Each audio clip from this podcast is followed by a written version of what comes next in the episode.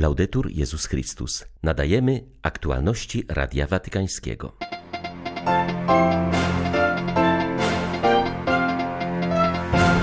Celibat jest darem, którego trzeba strzec, ale kapłani nie mogą być sami, potrzebują bliskości Boga i życzliwości ludu Bożego, mówił papież na otwarcie Międzynarodowego Sympozjum o Kapłaństwie. Kościół potrzebuje sztuki, by uczynić niewidzialne widzialnym, powiedział Franciszek na audiencji dla duszpasterstw środowisk twórczych.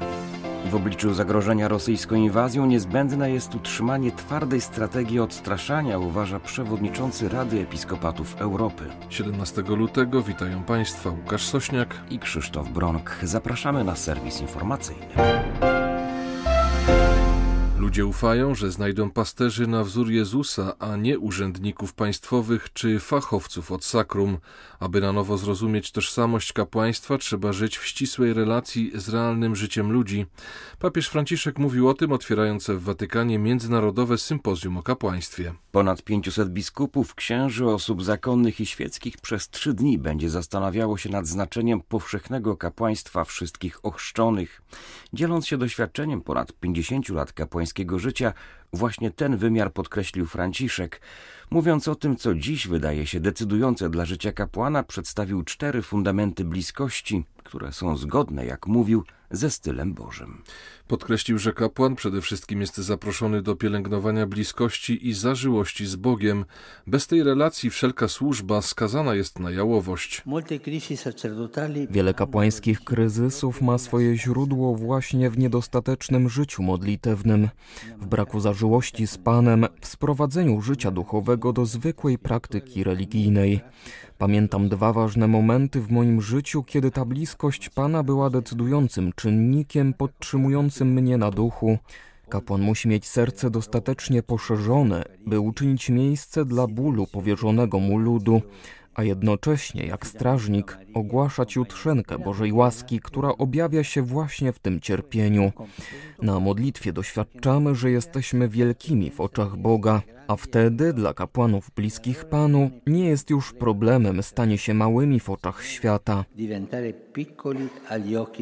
Papież podkreślił, że miłość braterska nie jest utopią, a tym bardziej pustym frazesem.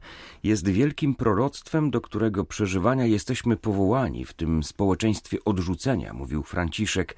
Dodał, że tam, gdzie istnieją więzy prawdziwej przyjaźni, możliwe jest również przeżywanie wyboru celibatu z większą pogodą ducha.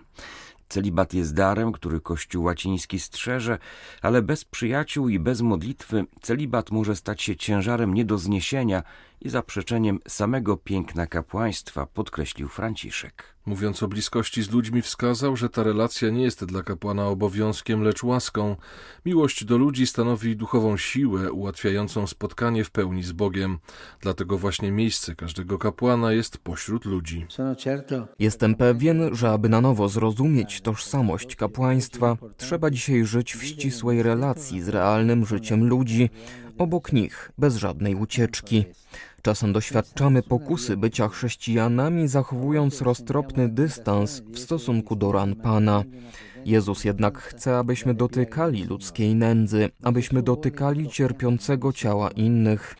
Ważne, by pamiętać, że lud Boży ufa, iż znajdzie pasterzy na wzór Jezusa, a nie urzędników państwowych czy fachowców od sakrum.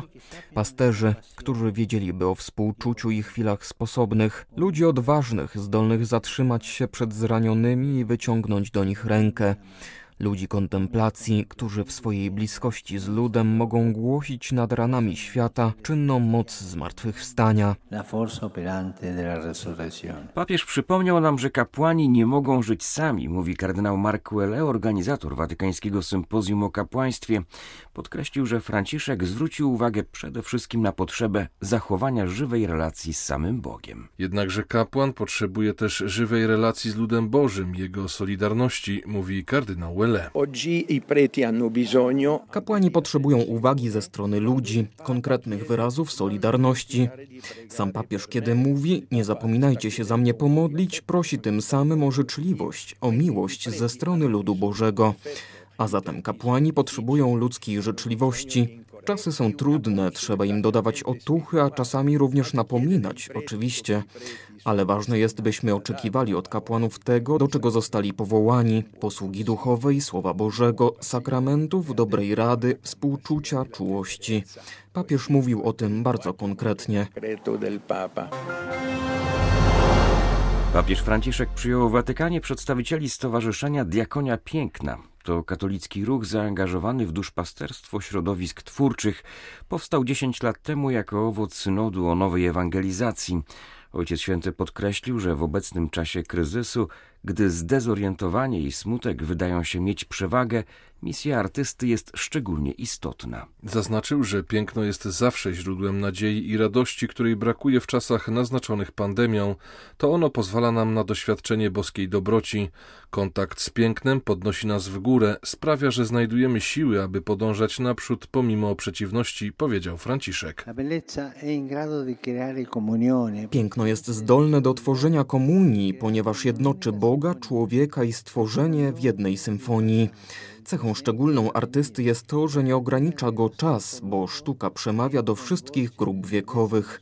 Nie ogranicza go też przestrzeń, ponieważ piękno może poruszyć w każdym to, co uniwersalne, zwłaszcza pragnienie Boga, przekraczając granice języków i kultur.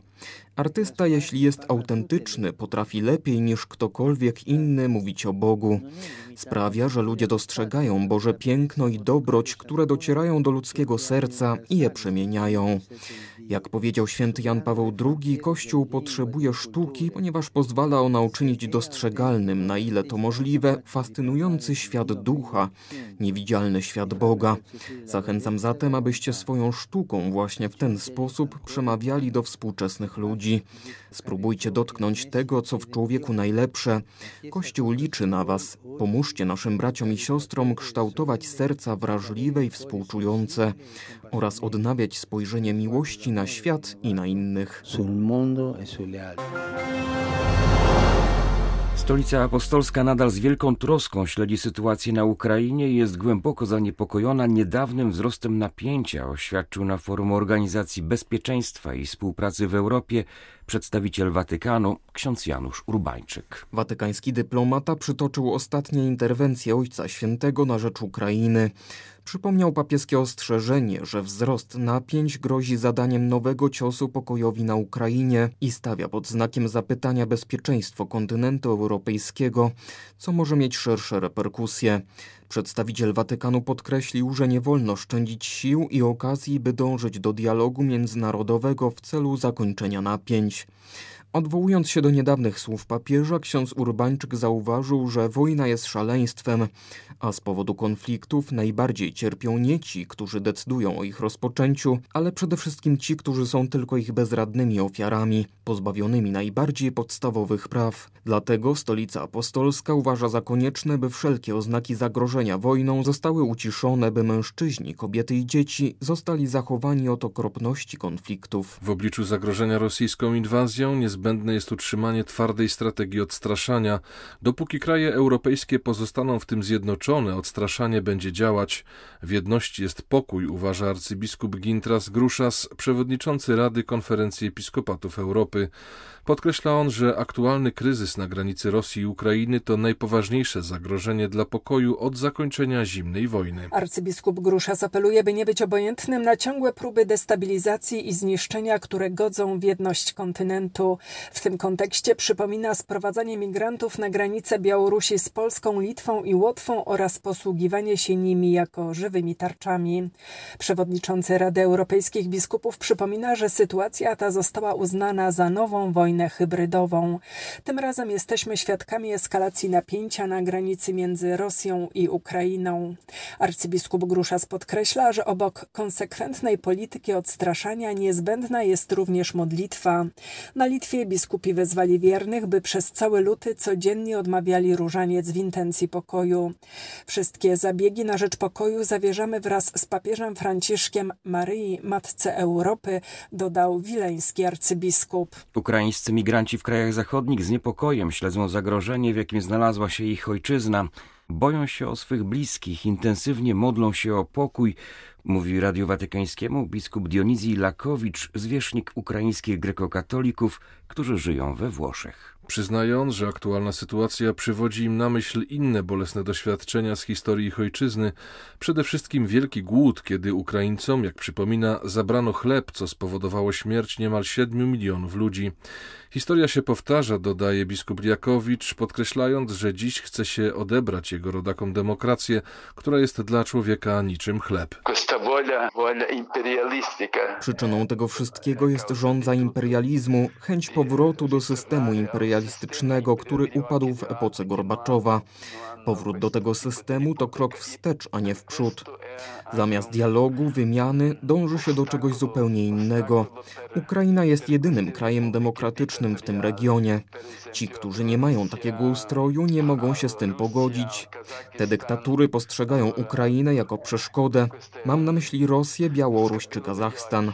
Jesteśmy dla nich drzazgą w oku i stąd ta żądza zniszczenia. Podczas wczorajszej audiencji generalnej z papieżem spotkali się przedstawiciele Rady Deputowanych Żydów Brytyjskich na czele z przewodniczącą Marii van der Zyl.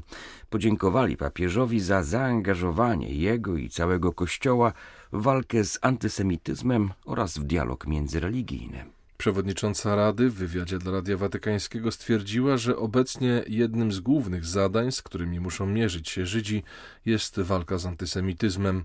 Dlatego podziękowali papieżowi za wszystko, co robi Kościół w celu współpracy i poprawy relacji z Żydami od czasów deklaracji Nostra Aetate aż do dzisiejszych działań na rzecz szacunku do wyznawców judaizmu. Uh, Dużo pracujemy z parlamentarzystami w celu ochrony praw Żydów oraz nad innymi projektami. W ostatnich latach antysemityzm na Wyspach bardzo wezbrał na sile. Przykładem tego jest działanie Jeremiego Corbina. Można powiedzieć, że jako szef partii pracy wprowadził antysemityzm z mainstreamu do centrum opozycji parlamentarnej. Staramy się też działać przeciwko nienawiści wobec Żydów w mediach społecznościowych. Dlatego chcieliśmy podziękować jego świątobliwości za wystąpienie przeciwko antysemityzmowi w taki sposób, w jaki to uczynił m.in. podczas ostatniego dnia upamiętnienia Holokaustu. To bardzo ważne dla naszej wspólnoty. Amnesty International ujawniła zbrodnie wojenne popełnione przez tigrajskich rebeliantów. Według raportu organizacji doszło do nich latem ubiegłego roku, gdy bojownicy Tigrajskiego Ludowego Frontu Wyzwolenia okupowali część regionu Amhara. Dopuścili się wówczas licznych morderstw, zbiorowych gwałtów i grabieży. Była to zemsta za przemoc, której ludność Tigraj doświadczyła wcześniej od etiopskich i erytrejskich żołnierzy. Tigrajscy bojownicy napadli także na szpitale, które ograbili, mordując personel oraz pacjentów. Na zdjęciach satelitarnych widać wyraźnie świeże, masowe mogiły. Mamy coraz więcej dowodów zbrodni wojennych popełnionych przez Tigrajczyków, poinformowała Sarah Jackson z afrykańskiego oddziału Amnesty International. Przedstawiciele tej organizacji przeprowadzili wywiady ze świadkami ocalałymi z masakr. Wszyscy zgodnie twierdzą, że morderstwom towarzyszyła przemoc seksualna, dotkliwe pobicia i obelgi na tle etnicznym.